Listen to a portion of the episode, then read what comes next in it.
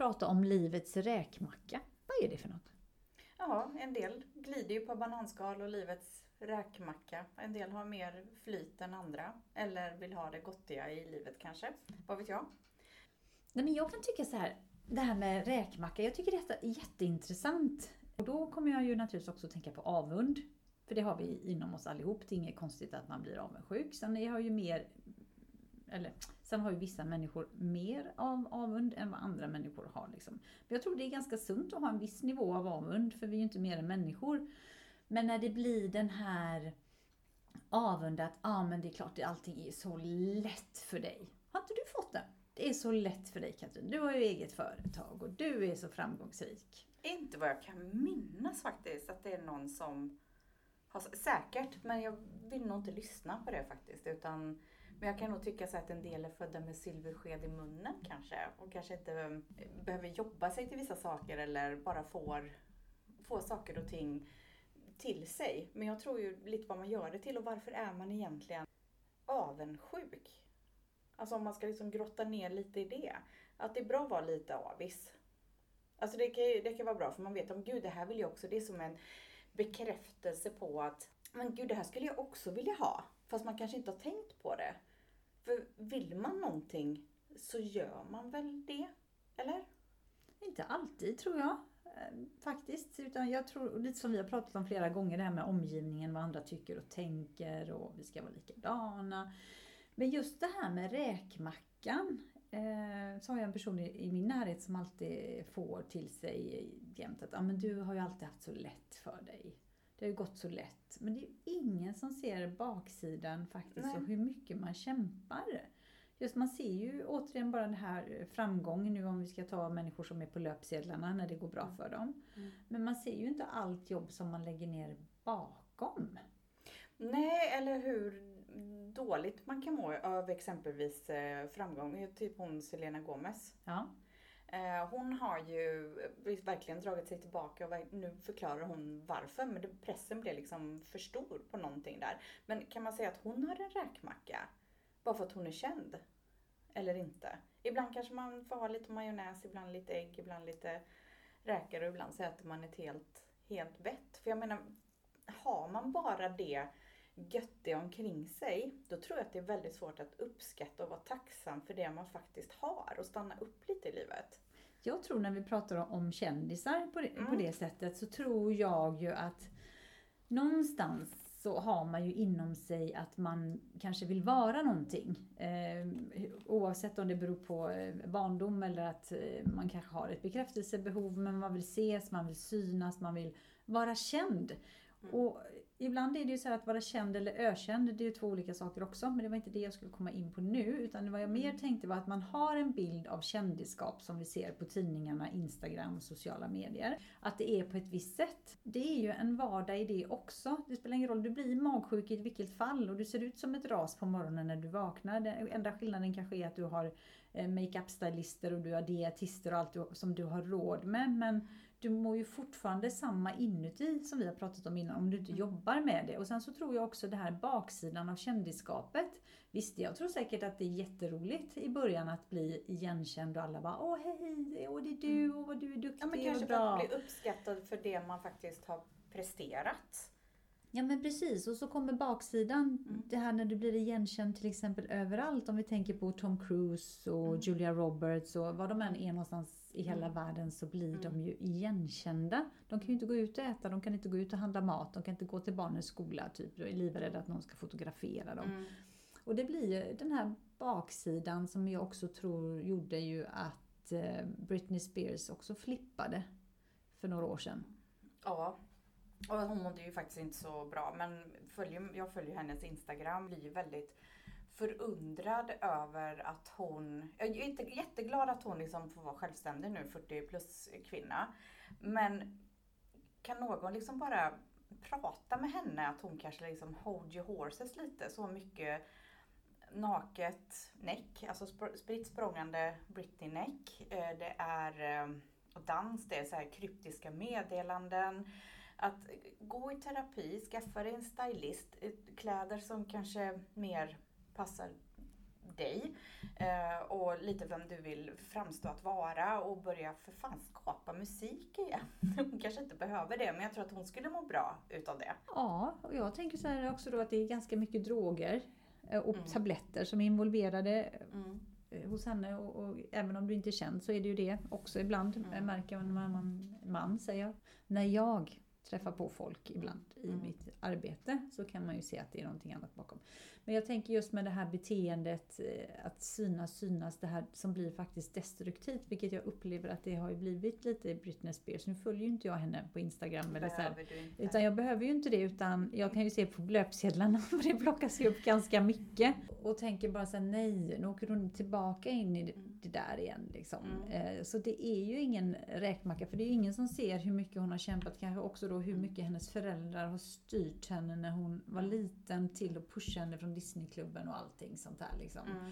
till att bli kändis. Och, eh, väl- och man är ju väldigt sårbar. För jag tror också när man blir känd så ung, eh, när man inte liksom har fått sin egen personlighet eller persona eller någonting. Det tror inte jag man får förrän man är kanske runt 30. Man liksom mognar till sig själv och kanske är mogen till att eh, slå igenom. Jag tror att slår man igenom då så har man det mycket lättare än om man gör det när man är yngre. Mm. Eh, För att eh, man är mer förberedd, man har egna åsikter, egna värderingar, eller man upplever i alla fall att man har Hon har skapat ju sig. liksom blivit matad och sådär. Men som, som Britney kan ju inte skaffa sig ett vanligt jobb inom situationstecken. Det går inte. Det hade ju blivit jättekonstigt. Sitter Britney Spears på ICA och blippar varor. Eller kanske inte hon vill göra det men det finns ju kanske inte en möjlighet att göra någonting annat.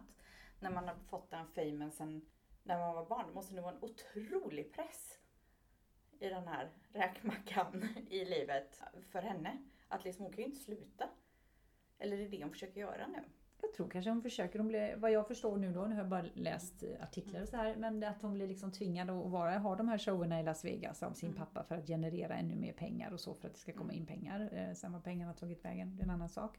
Så kanske det är så att hon känner, nej men det vill jag inte. Och så länge det finns pengar och det finns ett pengaflöde så är det ju inga problem, utan det är ju den dagen när pengarna slutar komma in och du, du fortsätter att spendera så mycket pengar Mm. och så kommer det inget. Det är då du behöver eh, titta på din situation och kanske dra i handbromsen eller då till slut hamnar på ICA vare sig du vill eller inte. Och i USA finns ju inte det här sociala skyddsnätet som vi har här i Sverige utan då hamnar man på gatan om inte det är någon som plockar upp dig, eh, någon, släkt, någon vänlig släkting Mm. som säger hej du kan få bo här liksom. Mm.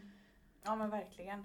Och jag tänker på en annan som trodde hon skulle få åka räkmacka.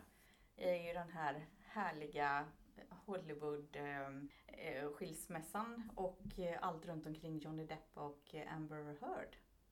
När hon Ja. gifte sig med Johnny Depp. Jag har följt den slaviskt, alltså i rättegången live och eh, det känns ju som att hon ville ha, ha ut lite mer utan den här skilsmässan nu. Faktiskt. Det är där vi börjar komma nu. Eh, och att hon skulle gifta sig och kanske vara gift med honom. De hade ju väldigt så här stormigt, passionerat, toxic relation. Båda två smittade väl av sig på varandra. Den är ju långt ifrån färdig, man har ju inte fått se mycket saker. Men hon har ju verkligen kämpat, precis som alla innan de blir kända kanske. Eh, och gjort massa saker. Och du vet, jag tror att det sitter nog kvar den här kämparandan. Och det är det hon sitter och gör nu. Och det, det blir bara så jättefel. Så hon, eh, hon sitter ju ofta och säger sig, var ska jag få mina 50 miljoner ifrån? Fattar man ju, som han har stämt henne för. För hon har ju inga pengar längre. Men fick hon inte pengar av honom? Ja men de har ju sagt att hon har skänkt Men hon till... hade ju inte det tydligen. Nej jag vet, men det är ändå 7 miljoner. Jaha, Saknas lite. okej. Ah, ja. Och jag tror inte hon har genererat sådär jättemycket själv genom hennes eh, filmkarriär. För hon är ju ingen bra skådis, inte ens i rättssalen. Så att det, nej, det är ingen bra audition att vara med där. Hon är ju körd. Johnny Depp kan väl sälja sin ö. Så honom går det ju inte någon nöd på. Men han kanske byter jobb då. Han kanske blir den här konstnären och har sina fans eller liksom- Rockstjärnan menar du? För Han är har spelat rockstjärna i också. Ja men precis, han har flera strängar på Ja. sin lyra. Ja, men jag tycker det är intressant att också det här att man eh, återigen ska förverkliga sig själv genom någon annan och, och tro att man kan gifta sig in i en räkmacka. Ja men det kan så kanske Britney Spears modell fiancé eller man eller vad han nu är, då tror hon gifte sig, kanske också tänkte. Sen är det ju fantastiskt att han älskar henne då. Men jag kan tänka att det är jättejobbigt. Eh, för han har ju varit med henne och med den här resan om han kommer palla det. För jag menar någon människa som ska komma tillbaka till sitt något sån här vanliga jag efter allt det som hon har drogats ner och du vet, i, blivit inpräntad och sådär. Så, så tänker jag att han måste ju verkligen vara one of a kind. Eller har de en bra prenup, äktenskapsförord. De är ju duktigare på det i utlandet än många andra, eh, särskilt kändisvärlden. Ja men det är de ju. Eh, Och jag tänkte ju också så lite när, när någon följer med så på en resa när någon mår så fruktansvärt dålig och stannar kvar. Man hoppas ju innerligt av hela hjärtat hoppas jag att det är äkta kärlek. Mm. Eh, Mm, men det är mycket ju tveksamt när det gäller de här eh, Ja, för man ser ju bara en sida, man ser ju inte allt bakom. Utan det är ju bara liksom en viss yta, en viss resa eller, eller alla de här nakenbilderna som hon nu bara pepprar oss med. Så, så blir det lite så här, ja visst. Det här kan ju också vara jag tror hon skulle släppa en bok. Det här kan ju också vara liksom en strategi. Alltså man, jag blir så misstänksam med allting, vad som händer. Och så är de ju ändå vanliga människor, precis som vi var inne på i början. Men det som har fascinerat mig är att de här kanske som är med på Forbes Mm. tio största, man, man vet ju knappt vilka de är. Ja, och det är väl sunt tror jag när man har så mycket pengar. Jag tänkte när vi pratar nu så kommer jag att tänka på Whitney Houston. Jag såg den här fruktansvärt tragiska filmen om hennes liv. Och där har vi en tjej som man upplevde hade räkmacka in i musikindustrin med tanke på hennes mamma var ju Mm. känd och, och faster och moster och allt vad det var för något som var kända sångerskor och kommer från den här eh, gospeltraditionen i kyrkan och allting. Mm. Och så ser man, men herregud vilken trasig barndom hon hade. Mm. Eh, och sen också då när, när hon får alla de här pengarna. Och då pratar vi också om toxic relation. Eller eh, två människor som möts som kanske inte skulle ha mötts. Och då tänker jag på henne och hennes man då, Bobby Brown, som bara det eskalerade åt helt fel håll. Och jag tänker all den här rikedomen och all den här peng, pengarna. Och sen när de filmar hemma hos dem så är det sån misär. Alltså det, det är verkligen supermisär och det är ingen som säger någonting. Inte hennes bröder, alltså inte någon. För att alla runt omkring, och det kändes som att det var typ 150 pers kan jag säga, men det var säkert mycket mindre. Som var beroende på att hon genererade pengar så att de kunde leva. Hon försörjde hela sin familj och några till. Mm. Inklusive hennes man och då allt det här drogberoendet och alla de här husen och alla de här tra- tragedier. Och jag tänker, hur ung var inte hon när hon började då? Jag har liksom inte riktigt 100% koll på det, men ändå få fortsätta. Och visst, hon gillar ju att sjunga och uppträda, men just att någonstans kanske man vill ha en break, en paus eller lite nyfiken på att man vill utvecklas som person och kanske vill lära sig något annat. Hon kanske vill bli eh, lärare eller vad som helst. Men det är ju väldigt svårt när man har just den kändisskapen. Och många som kanske tycker att, ja men gud vilken jävla räkmacka det är. Fast egentligen inte. Det känns ju som att de har så svårt att göra någonting vanligt Ja, efter det. Med hennes var det, nu är det inriktning på dokumentären får jag säga, så Ja. nu är det inget, det är inget objektivt så, utan men jag kan tänka mig att det kändes väldigt äkta i alla fall. Men, Mm. men just det här att hon hade inte möjligheten att sluta för att det var så många som var Mm. beroende av att hon fick in pengar. Så även om hon skulle velat sluta så kunde hon inte. Liksom, Mm. när, eh, och som kanske en del, en del kändisar gör ju faktiskt det, att de backar, och så, precis som du säger, och så utbildar de sig. Mm. Och så skaffar de en annan karriär vid sidan av också, Mm. än bara Mm. det här eh, kändisskapskarriären höll jag på att säga. Men sen finns det ju de här, apropå kändisskapskarriär, de här kändisarna som, som gör karriär på att vara kända. Och då tänker jag på Kardashians. Ja men precis. De behöver ju kanske inte jobba. Men att inte känna sig liksom behövd eller att man gör någonting vettigt. Det måste ju äta upp dem inifrån. Att de inte kan göra liksom hur de vill. För de blir igenkända och varenda lite steg i deras relationer och allt. Och så deras barn sen. Och, Men där tycker jag det verkar så cyniskt. Alltså det, allting verkar ju vara en strategi. Allting verkar ju vara uträknat mm. för att kunna eh, generera in så mycket pengar som möjligt. Till vad?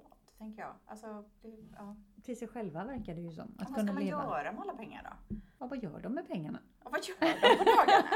Ja, De äter goda luncher och de Ja. går till eh, fotvård och fixar naglarna och håret. och, och så ja, är- allt kostar. sminköserna, sminköserna kostar säkert också. Filmteam, PR-teamet. Alla Ja, barnnannies som de har. Bara en sån sak. Men jag tänker innan man hamnar i en kändisskap, alltså om man känner att det börjar eskalera, om man är någon som vill slå igenom som influencer eller youtuber eller artist. De borde ju faktiskt med kontinuitet gå hos i, i någon sorts terapi för att kunna hantera allt detta. Så att de inte börjar knarka. Nu generaliserar jag. Men att de inte hamnar snett eller fel eller mår dåligt. Att man har någon att prata med. För jag tror att man är så ensam där uppe på toppen. Ja men det tror jag med. Och jag tror eh, lite grann att det är när man har kommit så långt så kanske man, man ser det inte. Det går så fort. Det bara går jätte, bara snurra på från det att man, eh, man blir känd. Och då tänker jag faktiskt på en känd person här där jag hade en bekant som är väldigt nära vän med den. Eh, den hen, kommer jag säga. Som blev känd över, nästan över en natt. Och eh, jättekul för kompisarna att gå på kändisfester. Men för den personen var det chockartat att folk alltså sprang mot den här personen. Och den här personen fick gömma sig. Mm. hen blev så himla rädd och det satte mm. sig sina spår så hen valde att inte vara så eh, synlig. Alltså mm. backade bakåt eh, från att göra det som den personen tyckte var det roligaste som fanns. Liksom. Mm. För att det här kändisskapet, det, bara, det kom som en kalldusch och folk var helt tokiga. Liksom. Mm. Och tänk då och den här personen ska börja jobba på, på ett vanligt företag sen och alla blir så här starstruck hela tiden. Finns det någon som har, som har varit så här superkänd som har sadlat om som du kan komma att tänka på? Jag kan inte. Ja, de håller ju på med lite välgörenhet och lite sådana där grejer. Men någon som verkligen har sadlat om och bara, nej jag tänker inte ta en ton till. Eller nej jag tänker inte spela in en film till. Många mm. kanske börjar regissera.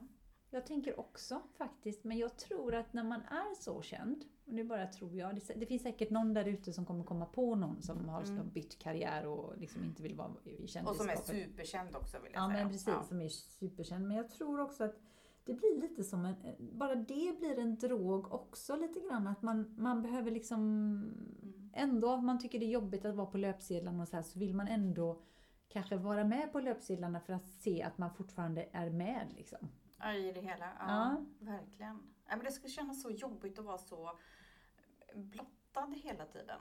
Alltså ens integritet och någon som, man, man tillhör världen. Man tillhör allmänheten och alla har rätt att tycka och tänka och kanske läser elaka kommentarer eller sågar en film eller tycker att nästa skivsläpp var helt fruktansvärt. Ja. Men jag tänker så här, att så länge som pressen skriver bra saker om dig mm. så är det ju jätteroligt och lyfter dig. Mm. Sen ska man ju veta också sen, sen när pressen har lyft dig och skrivit massa bra saker mm. om dig och du tr- tycker att du är wow, då vänder de. Och skulle det hända någonting i ditt privatliv mm eh, som kanske inte är så roligt som ett dödsfall eller en skilsmässa eller vad som helst. Då. Och så börjar det skrivas om det. Då får man ju den här baksidan som man faktiskt inte vill ha. För man vill inte vara outad i pressen när man går igenom en jobbig skilsmässa. Man vill inte vara outad i pressen om någon går bort eller man får en sjukdom. Eller, det är ju sånt där som man vill välja och kanske bearbeta eh, själv först och nära de närmaste liksom som är involverade i det att man liksom, eh, och inte ha det på löpsedlarna skrivet. Det måste vara jättetufft. Så det, det är ju eh, alltså dubbel sida på den, den kändisräkmackan då. Exakt. Som vi har pratat om ja, ganska länge nu. Ja, verkligen. Men har du någon sån här, vad, vad skulle en räkmacka vara för dig? En räkmacka för mig? Åh, oh, vad spännande! Jag upplever ju faktiskt att jag har haft lite räkmacka nu, vilket jag inte har... Jag, jag, kan inte uppleva att jag har haft sånt flyt då. Eh, någonsin faktiskt i livet som jag har just nu. Både när det gäller det privata, boende, karriär och, och ekonomi. Alltså mm. alla tårtbitar bara flyter på och det har jag aldrig upplevt. Jag har pratat om det mycket, att det alltid är en tårtbit som svajar och det är alltid en så. Och helt plötsligt så står jag här nu och känner mig nästan som en Buddha. vad härligt! Så bara jag känner så här att oj, vad hände nu? Eh, och så tänker jag så här, vad, vad har jag gjort? Jo, jag har ju släppt taget. Jag har slutat att tänka så mycket utan att det löser sig. Eh, och det var någon som sa det till mig också det att oj, och det är inte bara en person faktiskt, utan det är flera som är mig ganska nära som har sagt att äntligen så fick du lite utav den räkmackan mm. eh, som har haft så många tuffa år bakom dig. Mm. Vad kul, grattis! Och jag bara Va? Oj, tack! Eh, och, liksom, och när man är mitt uppe i det nu, som jag Mm. upplever att jag är, så nu njuter jag av det. Jag kan ju säga att jag har ju varit med om en räkmacka, jag brukar alltid säga ett annat liv för länge sedan, en annan gång. Mm. så. Men då kunde jag inte uppskatta det. Eh, Jag kunde inte, för då var det andra tårtbitar som, eh, som svajade ganska mycket, mycket, men det var en tårtbit som var fantastisk. Eh, Och så bytte de plats, två tårtbitar bytte plats med, med varandra. Men eftersom det inte var harmoni i en utav, eller två av tårtbitarna, medan den, ja det förklarar jag jättekonstigt, men jag tror att ni förstår. Så kunde jag inte njuta av nuet och vara i det och bara känna, ja men vad skönt, och bara fira och bara njuta och glädjas. Och det känner jag nu också, och det vet jag inte om det har med åldern att göra. Nu att jag känner att det är inte så att jag strävar efter något nytt mål. Alltså jag vet inte hur jag ska förklara, för mål har jag. Mm. Men det är inte så att jag springer. Utan det är mer så här att mm, Skönt att vara här. Jag ska bara kolla vilken destination jag ska flyga till. Så flyger jag. Gud vad härligt! Så, Men, men, eh, vad är ja. räkmacka för dig? Men gud, ja. Har du det- haft någon räkmacka också? Kanske? Ja men säkerligen, alltså det har man väl haft. Eh, verkligen. Ja men det, det tycker jag nog. Fast det är ju det där arbetet bakom också saker och ting. Men jag tror att jag står nog mer i den här att jag håller på med tårtbitarna. Och liksom vilka tårtbitar som är viktiga. Liksom vad, vad har jag för några mål? Och sen när man väl liksom sjösätter det på något sätt. Liksom jobba lite för det. Det finns ju kortsiktiga och, och långsiktiga mål. Jag har ju alltid haft en, en dröm att att gå i pension när jag är 55, det vill säga om, nu är det nio år kvar. Eh, kanske får skjuta lite på det. Eh, och eh, det, det vill jag göra. Jag vill ha möjligheten, sen är det inte säkert att jag gör det. Jag vill ha möjligheten, det är mitt långsiktiga mål. Och under tiden får man ha lite kortsiktiga. Så att ja, det, det kan bli en räkmacka. Det kan absolut bli, men då är liksom förarbetet med det jag håller på med just nu så himla viktigt. Att verkligen sätta de här grund...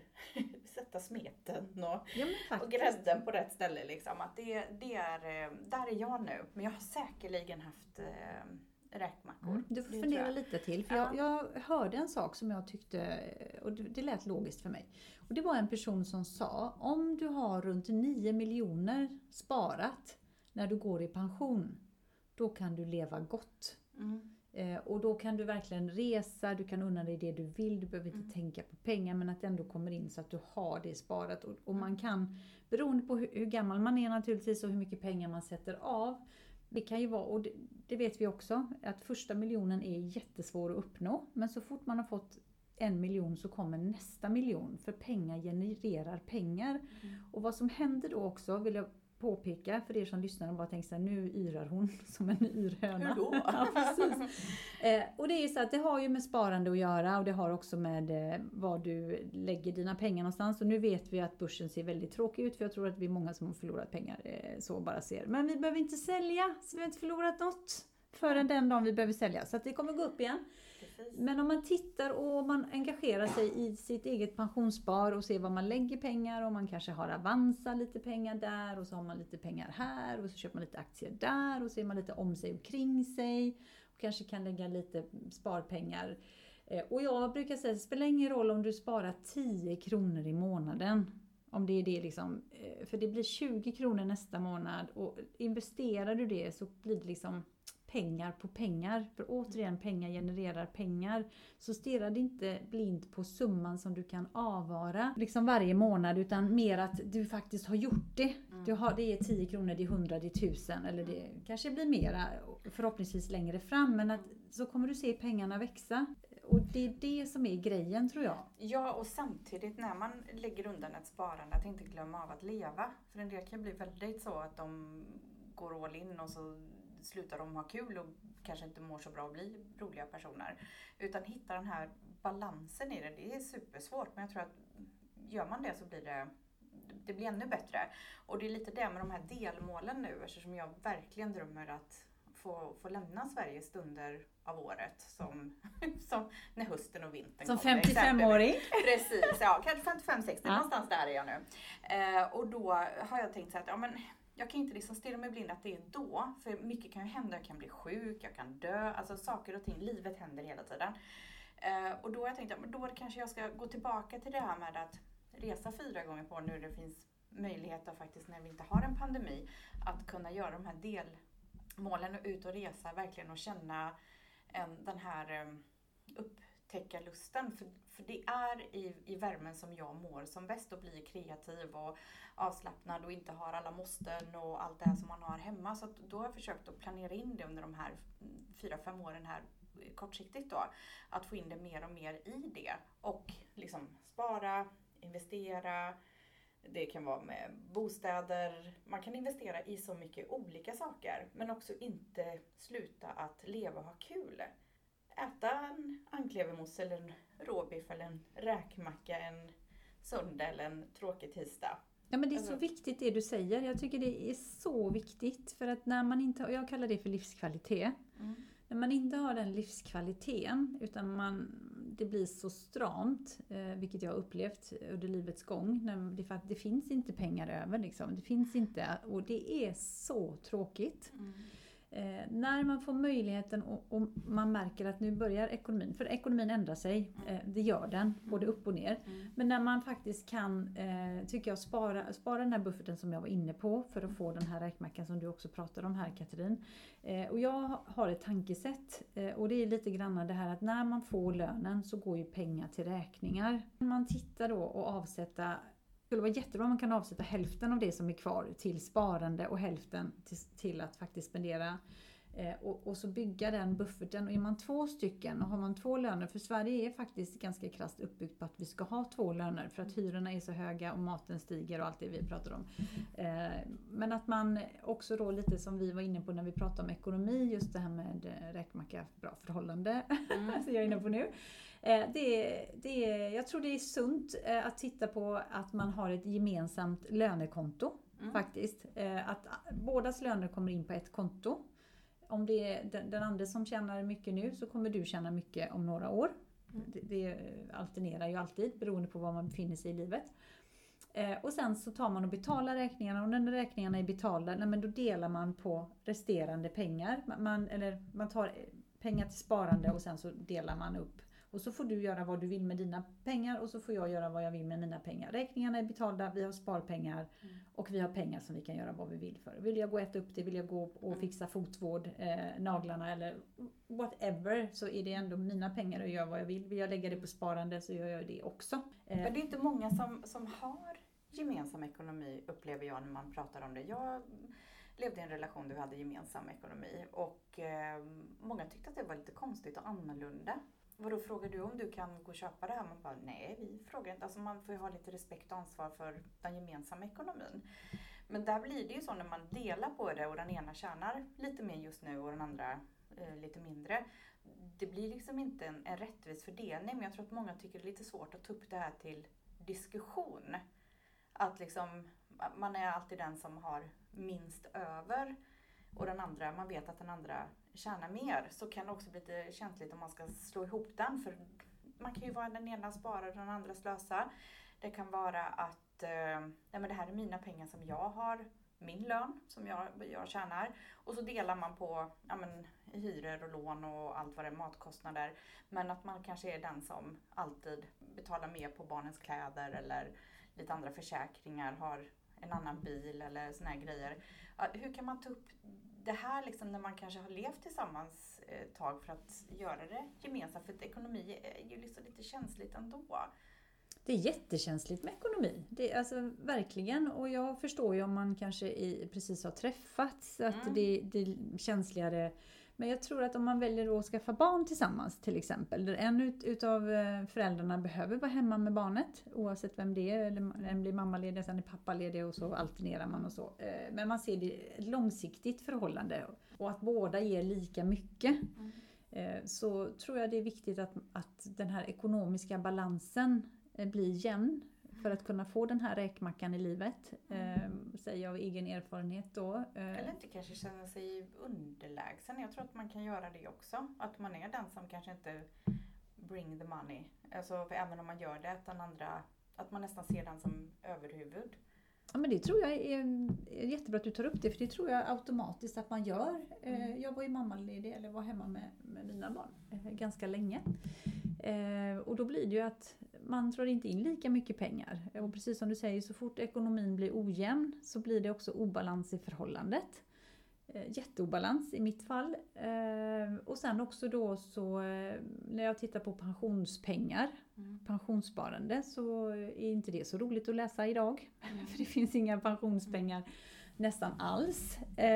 Så det behöver jag ju ta igen också. Mm. Eh, och det är lite grann för att komma då till livets efterrätt eller den räkmackan som du var inne och pratade om. Då, eh, då behöver man faktiskt tänka på det ganska tidigt att det behöver vara jämlikt i förhållandet och är det så att det är jätteskevt med lönen eh, Mm. så kanske man kan komma överens ändå att den som tjänar så otroligt mycket mer pengar kanske är den som får stå för lite mer kostnaderna om man ska ut och resa, gå på semester eller man ska ut och äta. För det är väldigt konstigt om man ska dela lika hela tiden Mm. eller om den ena parten säger nej men du jag går ut och äter, ja just det du tjänar inte så mycket pengar men jag går ut och äter själv. Ja, precis. Ska- Jag tar vi- oxfilén så kan du ta en förrätt. Ja men precis, Eh, vill man vara tillsammans med en sån människa då? Alltså Nej. ärligt talat. Nej.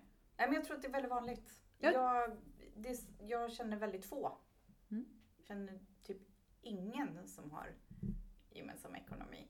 Så för, det, för mig var det, jag fick så mycket frågor och för mig var det liksom en självklarhet tyckte jag. att Självklart. Eh, för det handlar ju också om det man också gör i hemmet. Och då undrar jag så här då. Om man nu då eh, väljer att ha separat ekonomi, man har varit eh, tillsammans i flera år, man har barn ihop, men man har fortfarande, allting är separat. Liksom. Vi betalar detta tillsammans, det här är mina pengar och det här är dina pengar och så delar vi lika på barnens grejer. Är det en familjekänsla då? Ja men det tror jag nog. Det finns nog familjekänsla, absolut. Men jag tänker också på det med eh, hushållssysslorna. Att den som tjänar mer kanske jobbar mer och den som tjänar mindre kanske gör mer hemma.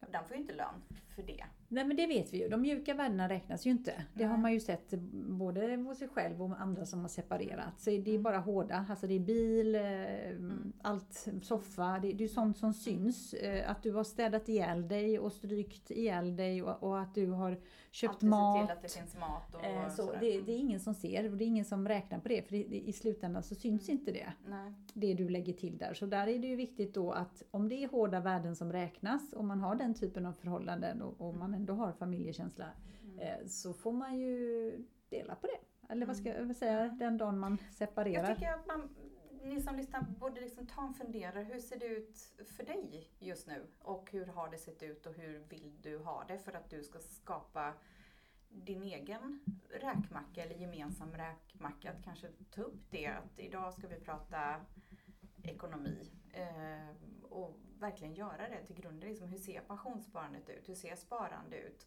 Liksom som att man kollar sina bolån eller vad det nu kan vara, jämför räntor och, och skriver äktenskapsförord till samboavtal till testamente. Att hålla sådana här papper uppdaterade så att det inte är ett testamente som är ganska eh, föråldrat och saker och ting har hänt under tidens gång. Bara för man skrivit det en gång har man ju rätt att, att ändra på det eller lägga till saker eller ta bort saker. Att man kan göra det lika ofta som man kanske kollar sina bolån. För det är väldigt viktigt för, för alla. Det känns det ju som att man vill jämföra priser och el och det, det ena och det andra. Men varför gör man det inte med sin egen ekonomi? Ja, och försäkringar. Ja, Det kanske du försäkringar. sa. Mm. Eh, Men jag tänkte också på försäkringar eh, här om, om någon händer, om någon skulle gå bort, att det faller ut försäkringar så man kan bo kvar i sitt hem. Eh, Så att man eh, kan känna att ändå livet flyter på trots att man har Mm. sorg liksom i livet men att man inte behöver ha den oron också över Nej, för ekonomin. då är det inte säkert att man pallar att jobba och då helt plötsligt så är det ingen inkomst, man blir sjukskriven, man går in i en depression eller vad det nu kan vara. Nej men precis och där eh, tycker jag också det är viktigt och som vi har pratat om när vi pratar om ekonomi som en av de mest lyssnade avsnitten trots ljudkvaliteten. Eh, så tycker jag det är viktigt att man tänker på det här med bufferten. Eh, Att man sparar ihop de här tre månadslönerna så att de ligger där någonstans så man inte ser dem ifall någonting skulle hända. Och det bästa är om man kan få faktiskt spara ihop en helt, hel årslön ifall nu man Mm. skulle råka ut för något. Eller vill dra till Australien, vet jag du tog som ett exempel en gång eh, Katrin. Och så vill man bara leva livet men man ska ju ha pengar när man kommer hem också. Såklart, och jag tycker det är helt okej att nalla av det här för att inte glömma av att leva.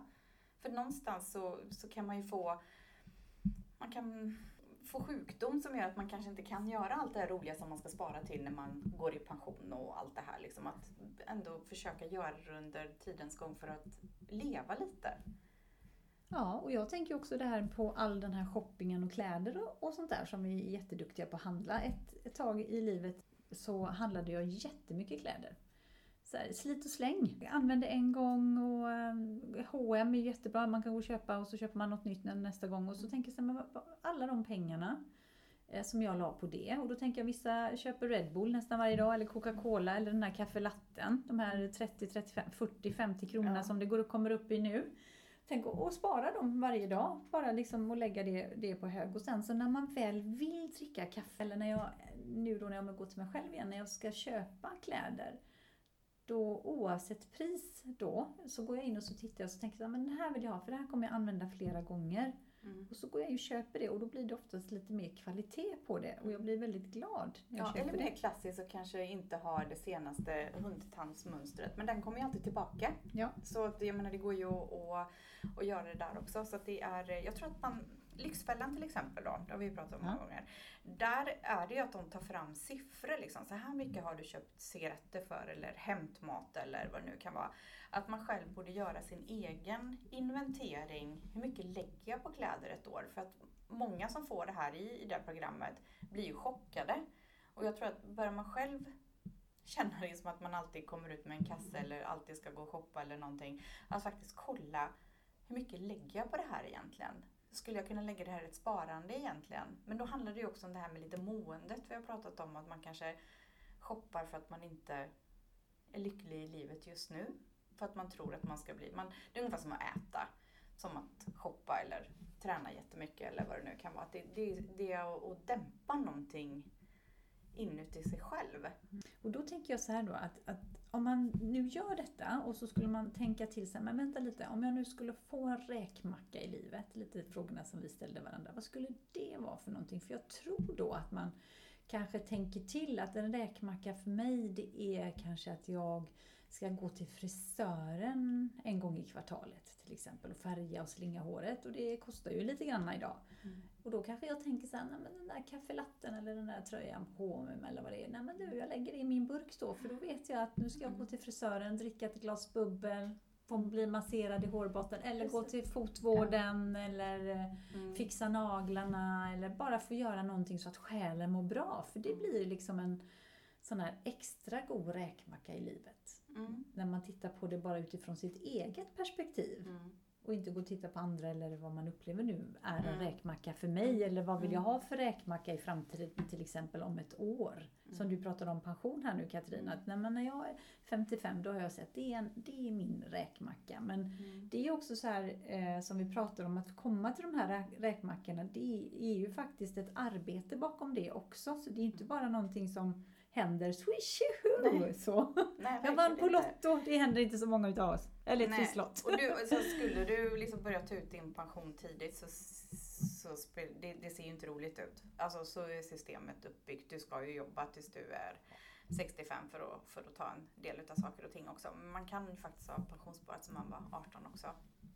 Det kan man ha gjort och man kan tala om för sina barn hur viktigt det är att börja i tid. Även om de lägger undan 50 kronor mm. i månaden så är det bättre än ingenting för pengarna återigen växer. Och där är jag mm. faktiskt väldigt tacksam över att jag under några års tid från det faktiskt att jag var 18 till att jag var 25 tror jag, 25-26 är jag lyckats spara ihop lite pengar som nu då när jag fyller 52 i år har vuxit och blivit lite grann så att jag känner att jag behöver inte sitta och gråta i alla fall jättemycket eh, när jag ska, ska ta pension. Men jag har ju sagt att jag, ska jag jobbar ju med det jag älskar så att jag kommer jobba, jag jobbar ju inte längre liksom.